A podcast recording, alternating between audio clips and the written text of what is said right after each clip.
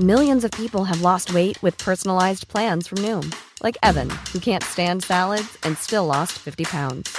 Salads, generally, for most people, are the easy button, right?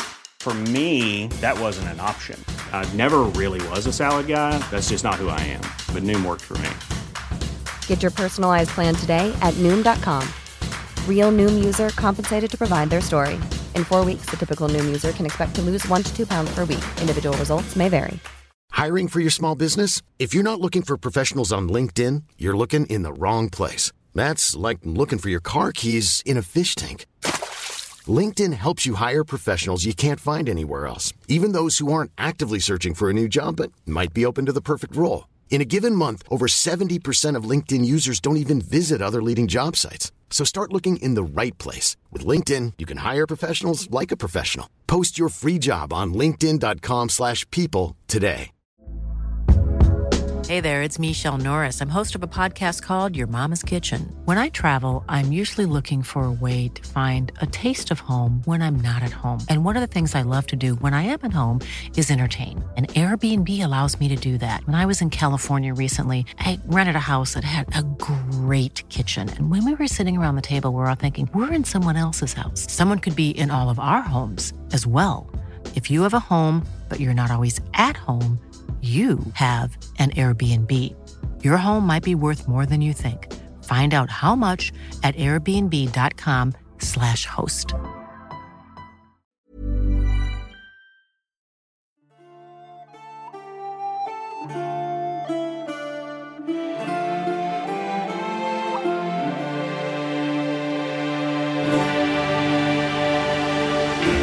Velkommen til Mægtige Middelalder. En podcast, hvor middelalderforskere taler om den magiske, mystiske og frem for alt mægtige middelalder. Mit navn er Thomas Ebelholm, og når jeg ikke er vært på denne podcast, er jeg lektor i middelalderhistorie på Syddansk Universitet.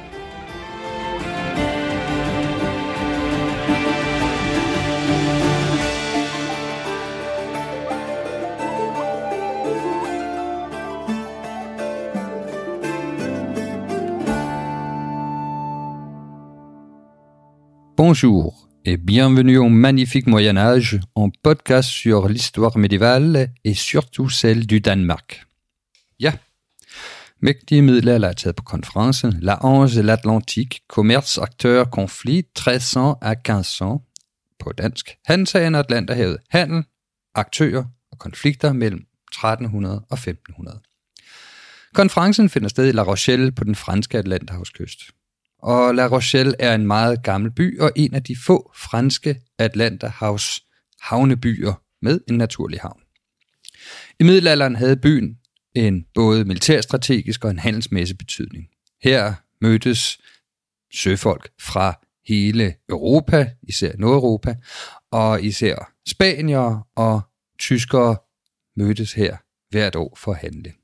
Og disse tyskere kender vi som hanseaterne og det er netop hanseaterne og hansaen denne episode skal handle om. Fra det 12. til det 17. århundrede spillede sammenslutningen af især nordtyske handelsbyer en stor rolle for handelen i Nordeuropa. Vi kalder dem nogle gange for den hanseatiske liga, men det er måske en forkert term. Det finder vi ud af i episoden. Under alle omstændigheder var der i hvert fald ikke tale om en egentlig stat. Snarere var Hansaen en slags alliance eller måske en sammenslutning af handelsbyer. Og de her handelsbyer var underorganiseret, om man så må sige, eller undergrupperet i forskellige klosters. Således var der tale om de vendiske steder, der domineredes af Lübeck. Der var de preussiske steder, hvor blandt andet Danzig, eller Gdansk, som byen hedder i dag, spillede en prominent rolle. Der var de livlandske steder, der i dag befinder sig i det nuværende Baltikum. Og så var der store byer vest for Danmark, der sluttede sig sammen i den vestfalske Hansa, der var domineret af Hamburg og Køln, men som også talte byer i det nuværende Holland. Disse byer var essentielle for handel mellem Nord- og Sydeuropa, og især Brygge i nuværende Belgien var omdrejningspunkt. I denne episode har jeg fornøjelsen af at tale med to af konferencens arrangører, nemlig Tobias Bostad og Philip Høen. Og vi skal tale lidt om, hvad Hansaen er for en størrelse, og så skal vi berøre nogle af de episoder af Hansens historie, der involverer Danmark.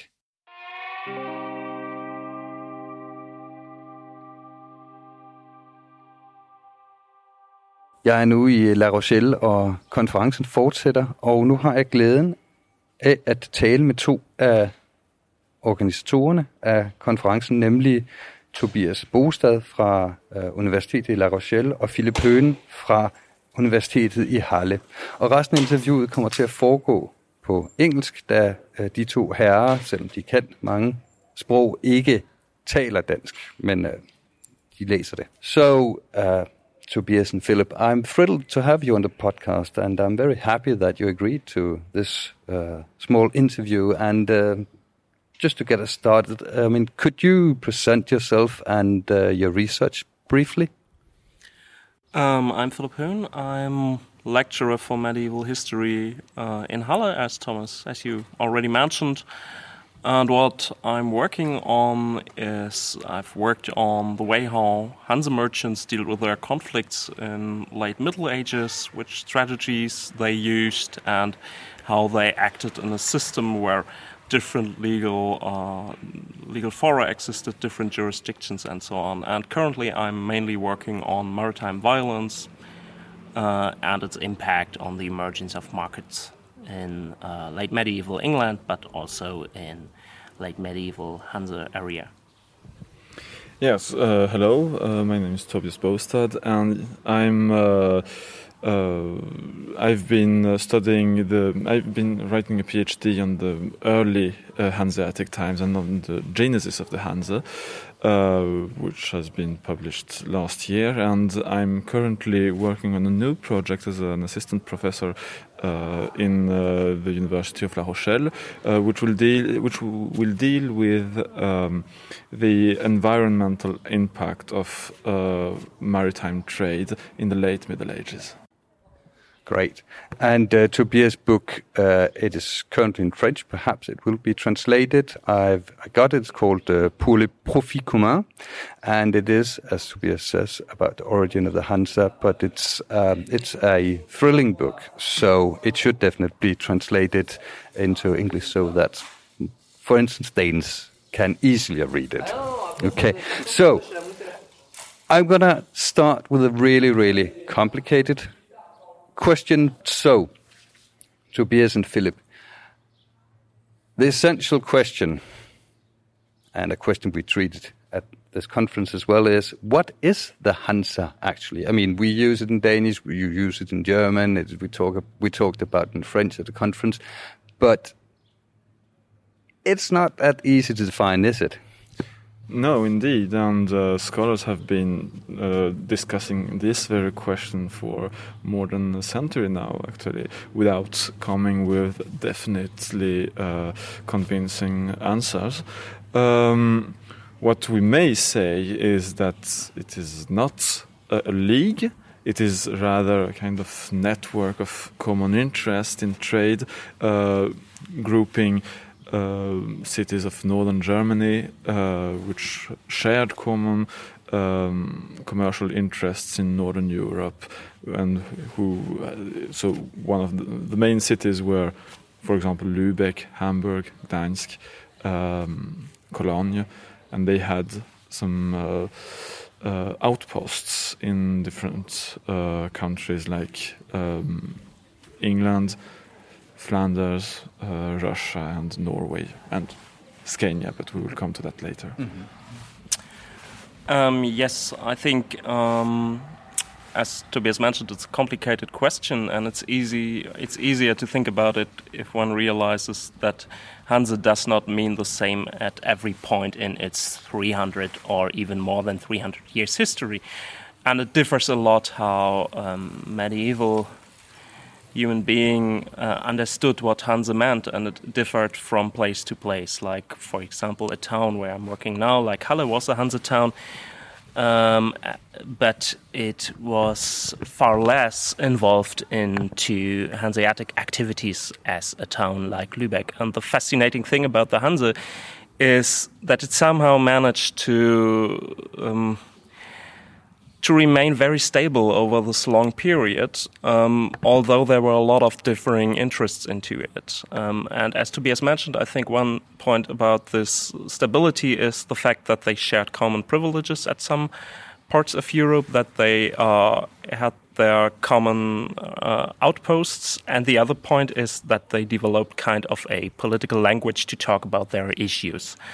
Um, and um, this is something which created a space of communication that worked very well um, for a league which, and I'm not so skeptical about the term league as Tobias is, um, that existed mainly among towns in a more or less feudal environment, which is something specific about the Hanse. Yeah. I think we actually can uh, it's interesting to um, think of the Hansa rather than like a stable political organization, maybe rather a kind kind of a political program. Actually, you have like um, a program of defending uh, trade and merchants' interests, uh, sometimes violently, violently actually, and. Um, uh, because if we uh, understand it that way, we also get attentive to who is actually referring to the Hansa and who is uh, following those, those, and thus we can see that actually the Hansa appears actually like a form of uh, uh, slogan. That I mean, uh, it's a word that is used to federate cities. Yeah. But am I correct in assuming that Hansa, at its core, it means a guild? Or an association? Or would you disagree on this one as well? Uh, it's a word whose uh, whose meaning has uh, changed a lot over time. So, if we go back to the oldest uh, attested meaning, it means a group of men at arms, and uh, as merchants traveling in the high and Middle Ages often were traveling as a group and has to uh, wear arms, then the the uh, term came to label merchants. But then, uh, from the 11th, 12th century onwards, you find very many many different meanings to the term Hansa, which are all more or less connected, but uh, it can mean a guild, but it surely not only refers to a guild. And it's not just about the word Hanse. Like um, in most uh, in most documents that we have uh, from Hanse history, uh, the Hanse does not describe itself as Hanse, but with different terms, like der gemeine Kaufmann, the common merchant, or other terms, um, merchants from from uh, Germany. Um, and it's always complicated to find out what this really means, who's belonging to this uh, structure, and it's somehow very vague um, deliberately. Yeah, yeah. Um, but as mentioned, it uh, it exists over a very long time, always changing somehow, but it exists over a very long time, and maybe this vagueness is part to understand why it works so for such a long time and why even some towns do not really know, or at least say that they do not really know whether they're part of the Hansa or not. So the boundaries of Hansa, and this differs from guild, for example, are very, very open. Uh, and there are cases in 15th century where, for example, the Livonian towns such as uh, Reval today, Tallinn, say, well, there are the Hansa towns and we are the Livonian towns. From modern perspective, they were part of the Hanse, but in their political language, they differed between this. And this is kind of this uh, fascinating ambiguity in, in Hansa history that you see. Yeah, and actually, uh, the Livonian but also the Prussian cities quite often refer to the cities of Lübeck and the uh, uh, uh cities around Lübeck, Hamburg, uh, Rostock, Stralsund, and so as the Hanse cities, as if they themselves weren't the Hanse cities. But uh, we uh, see them uh, act to, together politically as the Hansa, but inside the Hansa you have the Hansa cities, which is quite paradoxical. But you mentioned an important point, and um, that is, I think, important to state is we have Hansa towns, but we have also merchants, like individuals that are part of the Hansa. And if we look at onto Hansa towns, like normally craftsmen wouldn't have seen themselves as people acting under the Hanseatic privileges. So there's a discrepancy between the Hanse towns and the Hanse merchants, although they these groups somehow overlap, or the social groups somehow overlap. Yeah. All right. So we come a bit of the way in the definition of the Hansa, but we could continue for much longer time. But we will uh, move on a bit, and uh, we'll talk about uh, the Hansa's uh, interaction with the Danish kingdom. After all, it is a, a Danish podcast, and the, the listeners will be interested in this. And it is not just, you know, a uh, let's call it a patriotic question, but Denmark, and especially one part of Denmark, is immensely important to uh, at least some of the towns we call Hanseatic. So I was wondering if you could tell us a bit more and about this and re reveal what I am alluding to but in your words. Well, I think that uh, the first thing we should mention uh, about uh, the uh, Hanse's relations to Denmark is that uh, there are huge economic interactions between those two powers, and it's mainly these um, interactions mainly uh, take place in the uh, fairs of Scania, which are in uh, uh nowadays in Sweden, but uh, in that time it was part of Denmark. And uh, on these fairs, the Danish fishers used to gather every late summer to fish the herring and since the late 12th century, it is well attested that uh, German merchants came bringing uh, salt with them, and uh, so so that uh, the, Dan Danes would be would be able to salt the herring, and then the Germans would uh, put it in barrels and export it to uh, a big part of Europe. Then, of course, there are many other commercial towns in Denmark where interactions occur, but um, these Scanian fairs of Skanör, Falsterbo, Dragör, Malmö, and some others are uh, really the place where uh, the most of these interactions occur. Yeah, um, and it's um, related to the Scanian fairs, and this comes to your question about uh, the relation to Danish kingdom we also have, of course, conflicts like this uh, famous uh, war between um, the Hanse and uh, Valdemar Atterdag in 1360s, which has been seen for a long time in Hanse history as, let's say, the big. One position is to see it as the culmination of Hanse history, the other is to see it as the big starting point and point of formation. But it's really, really important. Um, and just to add another dimension, it's also important um, for the self representation in a town like Lübeck. For example, Lübeck was part of the Danish Empire in, in early 13th century. And there we come to these aspects who are not about, which are not about cooperation but about conflict. Um, the remembrance of solving themselves from the Danish kingdom remains very, very important in Lübeck in in 14th and 15th centuries. So there are conflicts and cooperation at the same time, and one also has to have in mind that, or it's also an interesting fact that um, as Hanse merchants were had relations on both sides of the Baltic Sea, and there were a lot of people who immigrated, uh, who migrated from northern German towns to Scandinavian towns, and vice versa. This was the same case with the noble families in uh, in large parts of Scandinavia, and in this sense, I think it's, it's always, or it's it's very helpful to think about this as an entanglement um, on both sides or of the sea, um, which was uh, shaped by cooperation and conflict. Yeah. There is uh, one uh, aspect. I mean, of course, there is a huge entanglement uh, between uh, the um, uh, Scandinavian kingdoms, especially as they are uh, uniting in the 15th century in this Kalmar Union.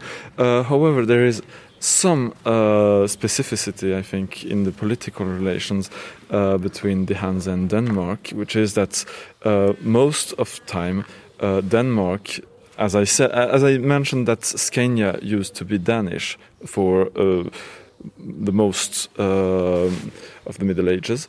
Um, that means that both uh, sides of the Öresund were Danish, which allowed the Danish king to uh, threaten the passage through this uh, vit- uh, through this vital strait for the Hanse. And uh, of course, the Hanse had a vital interest in keeping this uh, strait open. Although uh, we, I can refer also to uh, Philipp's work where he shows that all cities don't have the same interest in having these straits open. Since, uh, but I think you can talk, talk of it better than I. Yeah, um, especially um, between the Council of Lübeck and the uh, Danish kings in 15, late 15th century, you see some kind of collaboration because Lübeck is interested into um, gaining more trade on to the land route between Hamburg and and Lübeck, and to prohibit people from by by going through the Öresund. And you see other fields of cooperation, like um, the the great Rolf Hammel-Kiesow wrote about the uh, trade politics in northern Atlantic, where you see that um, especially the Wendish towns, um, which are somehow led by Lübeck, um, have an interest together with the uh, Danish kings to prohibit Englishmen from going to Iceland to do fishery there. Um, yeah. Yeah. If we may resume, I, I, I think I can. we can resume by quoting the. Uh, recent monograph of a co colleague of us, Kilian Bauer, who uh, studies these uh, uh, Hanseatic Danish relations in the late Middle Ages. By, and its title is quite uh, significant Freunde und Feinde, also friends and foes, uh, which I think resumes the situations quite well. Yeah, because what we uh, have, for instance, with Lübeck is that I think uh, the Lübeckers, sorry, are the first to have the privilege of uh, burning down Copenhagen in 1249. So that's definitely an aspect of the enmity. Uh, but and then we have this whole uh, situation of uh, Valdemar Atterdag, as you refer to, Philipp, and uh, it, at least uh, in older historiography, this was termed as one, perhaps the defining moment for uh, for the for the formation of what we might call the Hanseatic League. Um, but uh, there are two issues here. Once when we're talking about Denmark and uh, especially Lübeck and the Hanseatic towns, the one is what you alluded to, Philipp, in the uh, 1360s and its consequences in the 1370s and 80s, and the second one is the sound toll. So could we, could you uh, describe a bit what uh, happens first uh, from 1360 to say uh, 1390, uh, uh, because um, one of our colleagues, Carsten Jahnke, has described this as perhaps the apogee of uh, the Hanseatic towns when they controlled the Scanian fairs. So, what happens and why uh, the Hanseatic towns lose control over the, the fairs. And secondly, let's talk about uh, Eric of Pomerania's uh, imposition of the sound toll and the consequences for um, the Hanseatic merchants of, say, Lübeck or the Livonian towns. Um, well, quite, uh, maybe uh, at first quite quickly about the uh, situation after the uh, peace of uh, Stralsund in 1370, which has been described as the uh, heyday of the Hanse. Um, it is linked to the control that the Hansers gain on the Scanian market. Um, this control implies that uh, their privileges are uh, confirmed and extended at first, and uh, secondly, that they are uh, taking over the administration of uh, four of the main castles in the, uh, in Scania, and which help controlling the revenue of the um, uh, of the Scanish uh, of the Scanian fairs, and in order to uh, administrate these castles proper, properly, they have the um, they obtain the right to take for them themselves the revenues of the Scanian fairs. Um, however, this is uh, so this doesn't last. Firstly, because uh, it these uh, terms are uh, meant to uh, to last only for 15 years. So after 15 years, it isn't. Uh, uh, re relevant anymore, and some cities tried to maintain the, uh, to conserve them. But on the other hand, other cities noticed that actually they don't earn anything at this. They spend more money trying to administrate the castles that they earn through these Scanian fairs.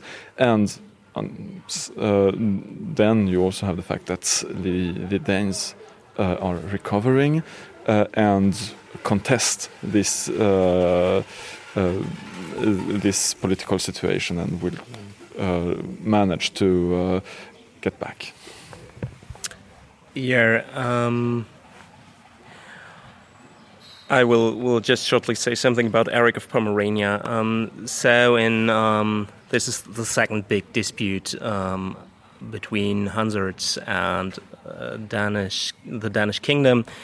And if I say Hansards, uh, one has to say that it's not about the Hansa and the Danish kingdom, but very few Hansa towns, um, because involved is Lübeck and the Wendish towns and some of the Saxonian um, towns. Which are not even close to the sea, but uh, formally take part of feuding against Eric of Pomerania. The reason, as you mentioned, is the imposing of the sound toll, um, and um, then we have a war about around around about seven years, which ends up with the uh, Treaty of Vordingborg, um, in which it is um, it is written that these uh, Wendish towns do not have to pay the uh, sound toll anymore. Um, it has been a conflict as the, the first one um, that has been uh, in 19th and 20th century uh, interpreted in, in, the light of nationalism. Um, funny fact about that, especially for Danish uh, Danish uh, auditors, is maybe that the oldest surviving Dannebrog was in Lübeck St. Mary's Church, um, which was apparently taken in the uh, in the battle in the Öresund in 1427. And uh, you see that there were kind of nationalistic disputes about this in the 1870s, um, also in the uh, in the aftermath of the Danish-German uh, War. Um, what is important about this conflict is, however, that um, as I mentioned, uh, the Wendish towns are not do not have to pay the sound toll anymore, but other towns have to. Like, for example, the Prussian and Livonian towns, and there you see again that you you have different interest groups within the Hansa.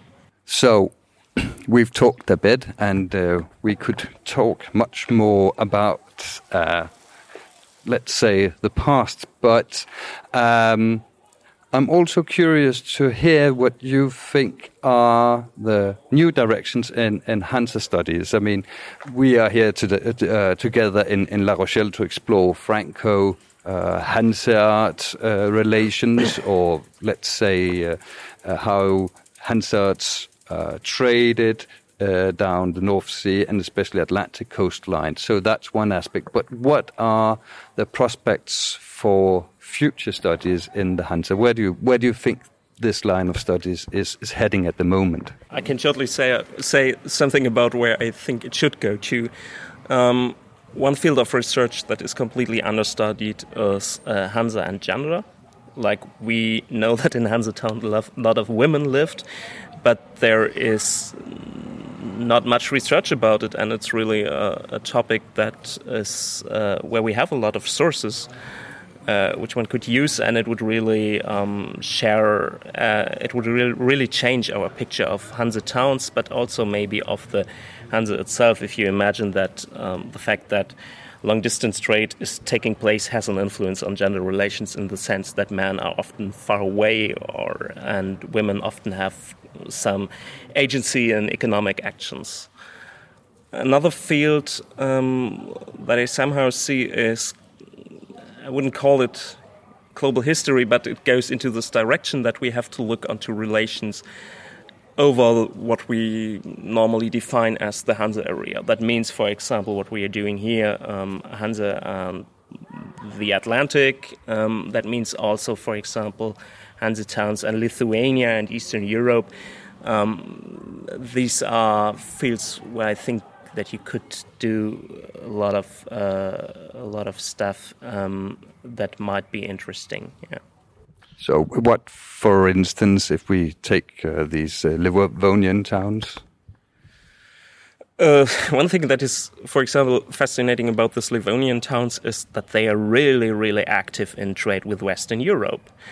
And that you see their trade over very, very large distances um, that are not so present in current monographs about the Hanse.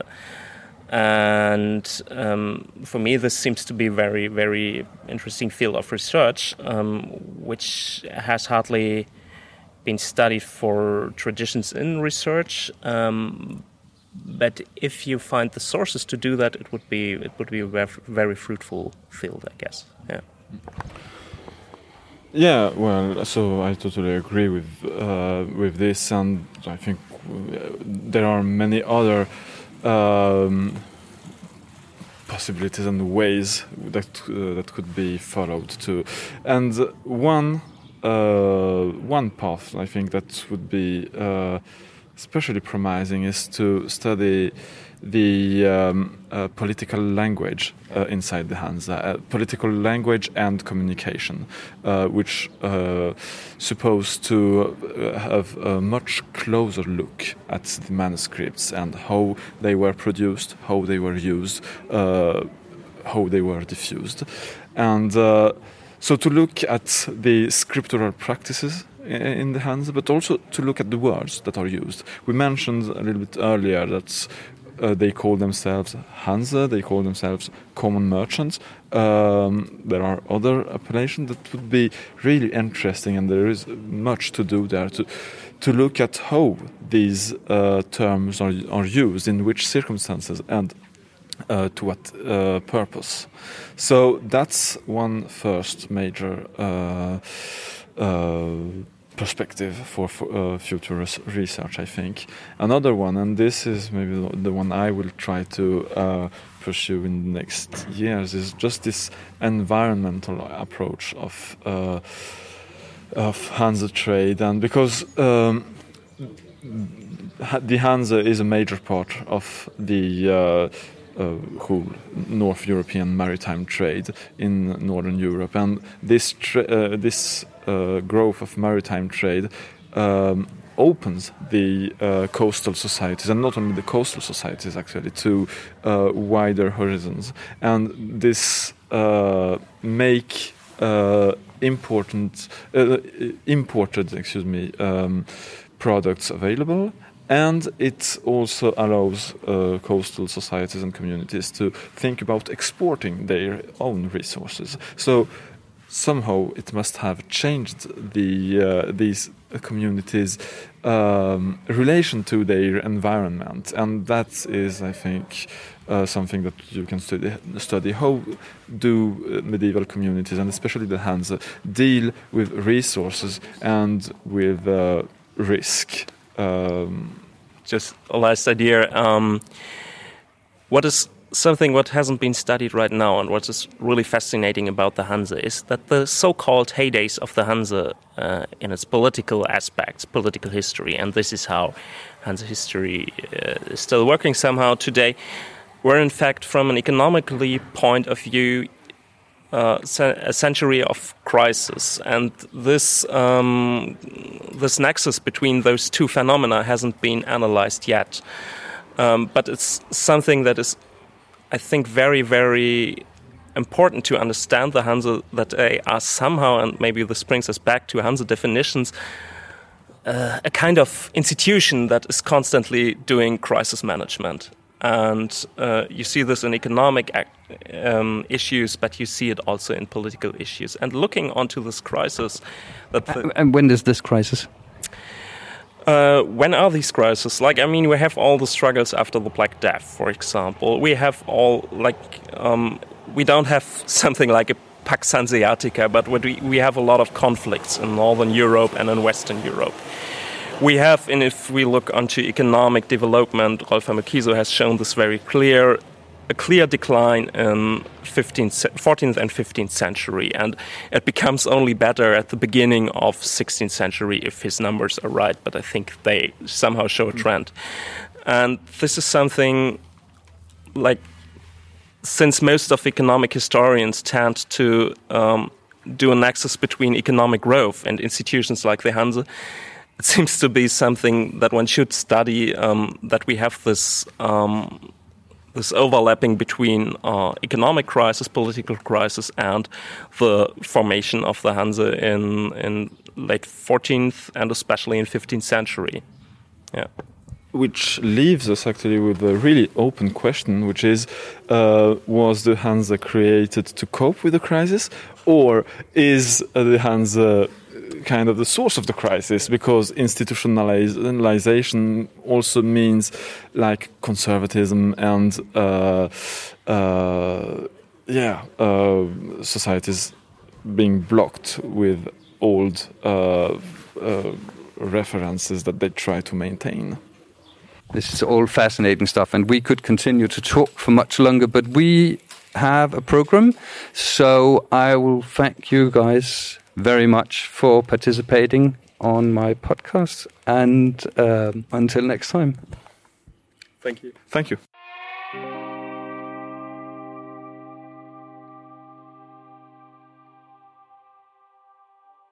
Det var altså Tobias Boestad fra Universitetet La Rochelle og Philipp Höhn fra Universitetet i Halle.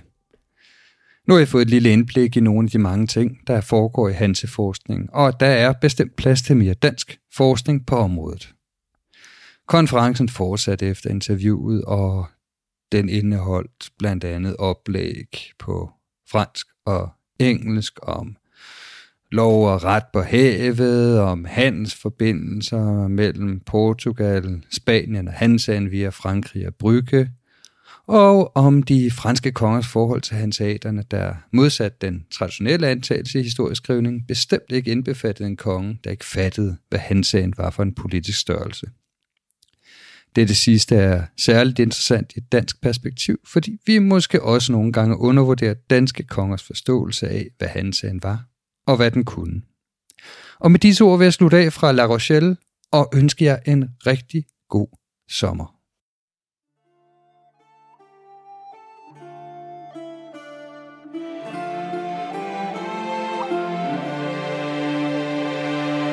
Det var alt for nu på Mægtige Midlander.